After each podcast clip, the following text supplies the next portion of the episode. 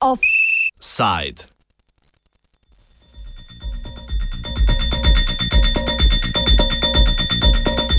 Manjšina brez glasu.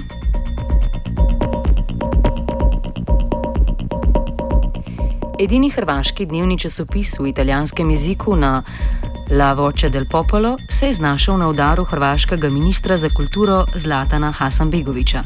Zaradi postopnega ukinjanja državne finančne pomoči mu grozi ukinitev.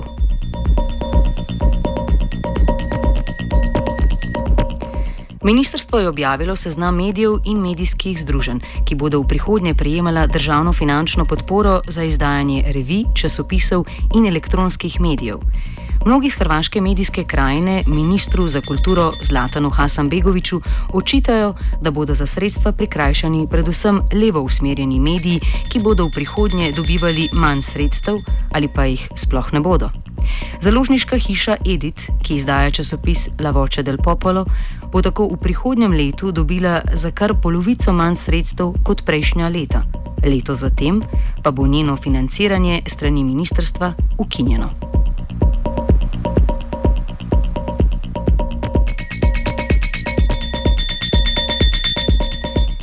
Pogovarjali smo se z Mauricijem Tremulom, predstavnikom Italijanske unije, Združenja italijanske manjšine na slovenskem in hrvaškem.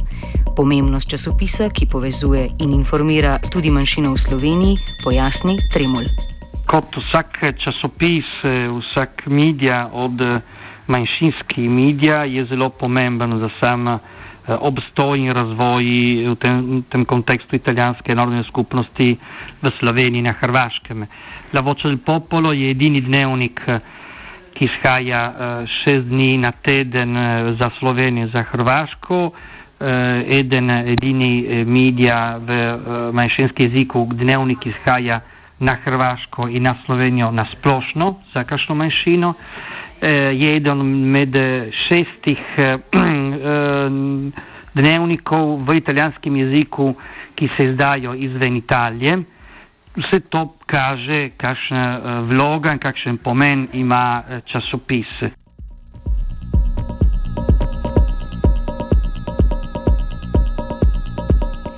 Protestno se je na odločitev odzvalo tudi več civilno-družbenih organizacij, z apelom pa se je oglasila tudi Hrvaška laboristična stranka. Razloge za njo pojasnjuje Vedran Sabljak, predstavnik reškega krila laboristov.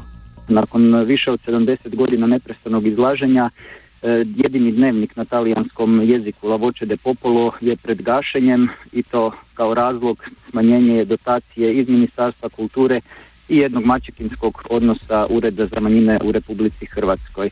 Prema nama e, indikativno je to da se navedeno događa nakon smjene vlasti i triumfalne intervencije u sve nepodobne medije u Republici Hrvatskoj i pod naletom jedne puzajuće i suptilne fašizacije javnog prostora i povijesnog re, revizionizma.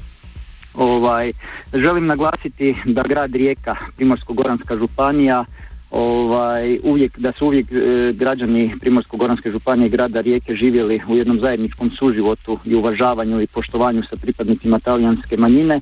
I ne samo talijanske nego i ostalih manjina, međutim talijanska manjina je autohtona e, kod nas na ovom području. I njihova kultura, jezik i običaj postali su sastavni dio kulturne ponude ovih krajeva te nas evo neprestano ne, ne, ono naprosto nam je nevjerojatno da se jedini dnevni list e, talijanske manjine na, na Kvarneru gasi to jest da mu prijeti gašenje.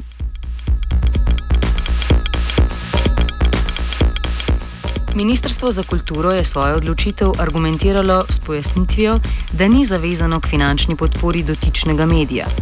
Giacomo Scottija, nekdanjega dolgoletnega sodelavca La Voce del Popolo in književnika, argument ne prepriča. Upravo tome, mislim, mene čudi, ne samo mene čudi ovaj stav vlade.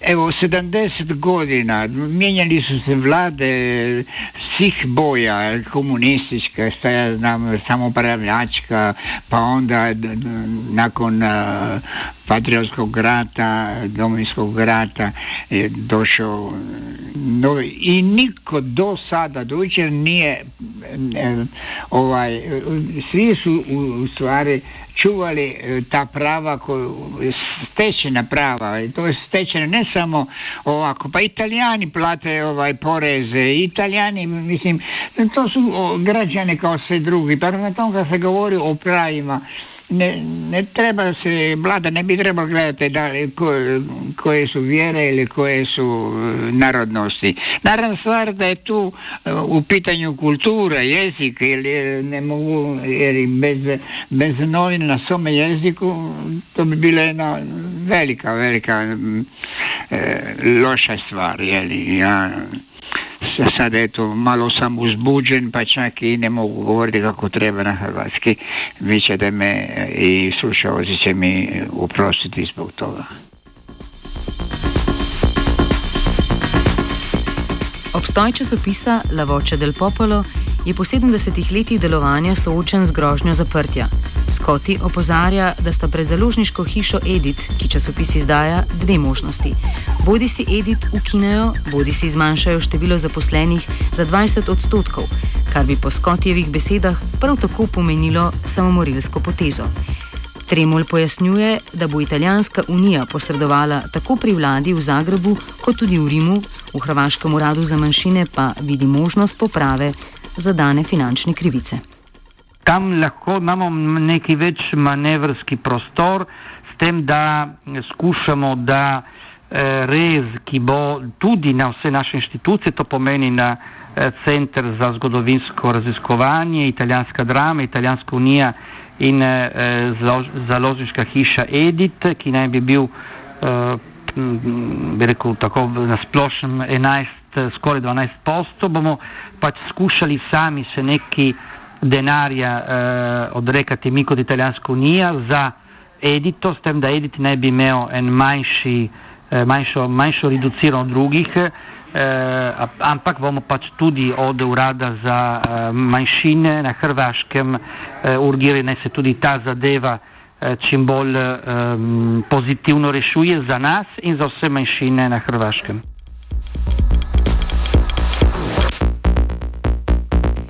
Za nadaljne delovanje časopisa italijanske manjšine ni ključno le sodelovanje pristojnih institucij, ki naj bi bdele nad spoštovanjem pravic manjšin, temveč tudi aktivna podpora večinskega prebivalstva, meni Skoti, ki poziva k izražanju solidarnosti s časopisno hišo.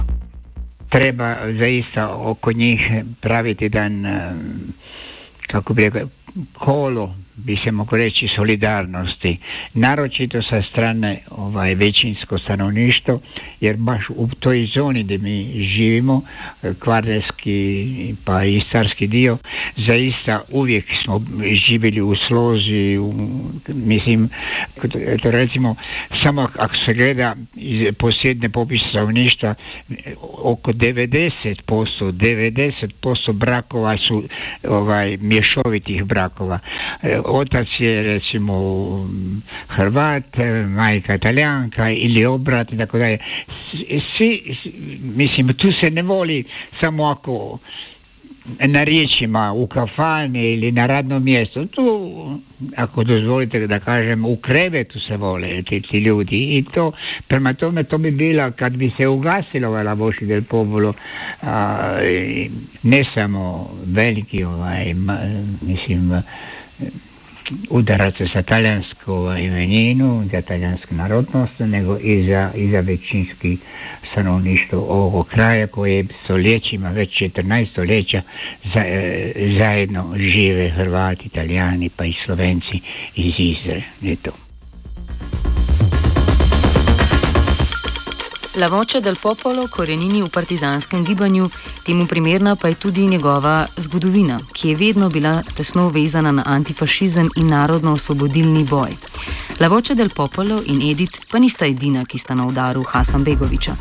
Njegovo ministrstvo namreč zmanjšuje ali ukinja financiranje za velik delež levih ali liberalnih medijev, ki so večinoma neprofitni.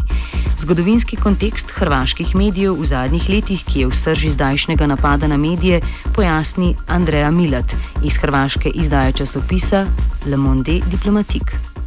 po mandatu prošle vlade e, provedena je sistemska medijska politika ili se barem pokušavala provesti, a sastojala se od povećanja financiranja za medije i to za onaj sektor medija koji koji je bio naj, recimo, diskriminiraniji i to su bili neprofitni mediji. E, taj sektor bio je diskriminiran na način da je, da je najmanje razvijan, da je najmanji, ali da ima najveće potencijale. Najveće potencijale ima zbog toga što e, od početka medijske krize u Hrvatskoj, koja traje recimo zadnjih intenzivne krize koja traje, koja se poklapa sa početkom ekonomske krize, velik broj novinara je izgubio posao, trajno izgubio posao, dakle nestala su radna mjesta u komercijalnom e, medijskom sektoru.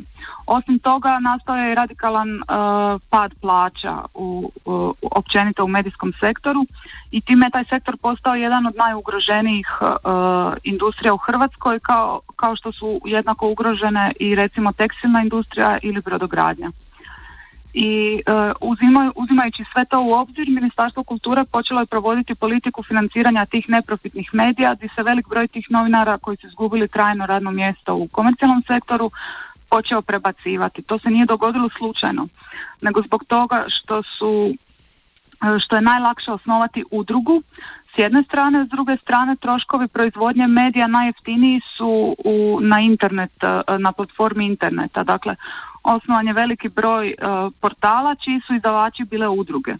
U skladu s tim onda se krenulo u, u, u davanje javnih potpora za, za takve medije i uh, izdvojena su neka sredstva za to. Da bi se to pokušalo napraviti što je moguće više pravedno, provedene su javne rasprave i bio je velik broj sastanaka radnih na kojima su sami novinari zapravo i članovi civilnog društva sudjelovali u kreiranju kriterija za taj natječaj. Kad su ti kriteriji bili gotovi, ispostavilo se da se jako velika pozornost po, uh, daje uh, različitom kutu gledanja, znači uglu iz koje se pristupa priči, da se daje veliki stupanj pozornosti medijs, redakcijskoj demokraciji, da se da se vodi računa i također i o trećoj generaciji e, ljudskih prava u koju spadaju socioekonomska prava ljudi. I kad se sve to skupa zbrojilo, mediji koji su najbolje zadovoljavali sve te kriterije, ispostavilo se da su mediji zapravo liberalne i lijeve orijentacije. S druge strane, desno orijentirani mediji zbog, zbog niskog stupnja uh, pridržavanja pravila novinarske struke zapravo nisu dobro prolazili na tom natječaju. Kmalo potem, ko so se med državno sofinanciranimi neprofitnimi mediji znašli tisti, ki so bili bolj levo ali vsaj liberalno orientirani, je prišlo do udara z desne. Hrvaška desnica je začela z intenzivnim obtoževanjem takratne vlade, čež da favorizira domnevno levičarske medije, saj ti ne pokrivajo vsebin in poslanstva koalicije v ime obitelji, katere član je bil tudi Hasan Begovič.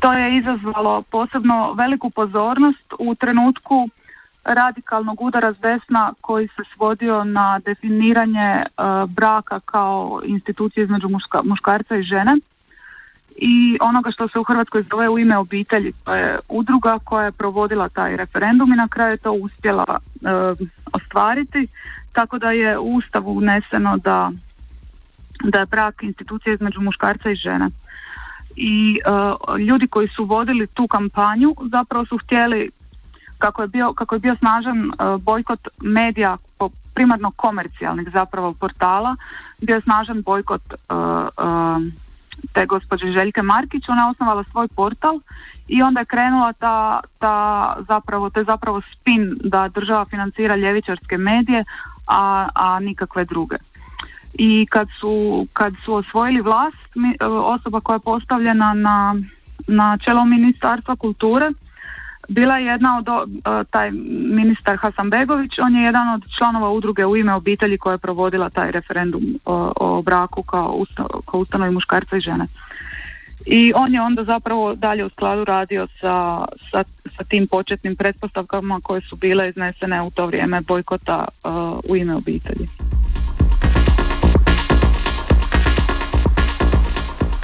Offside je pripravil Mladen Zobec.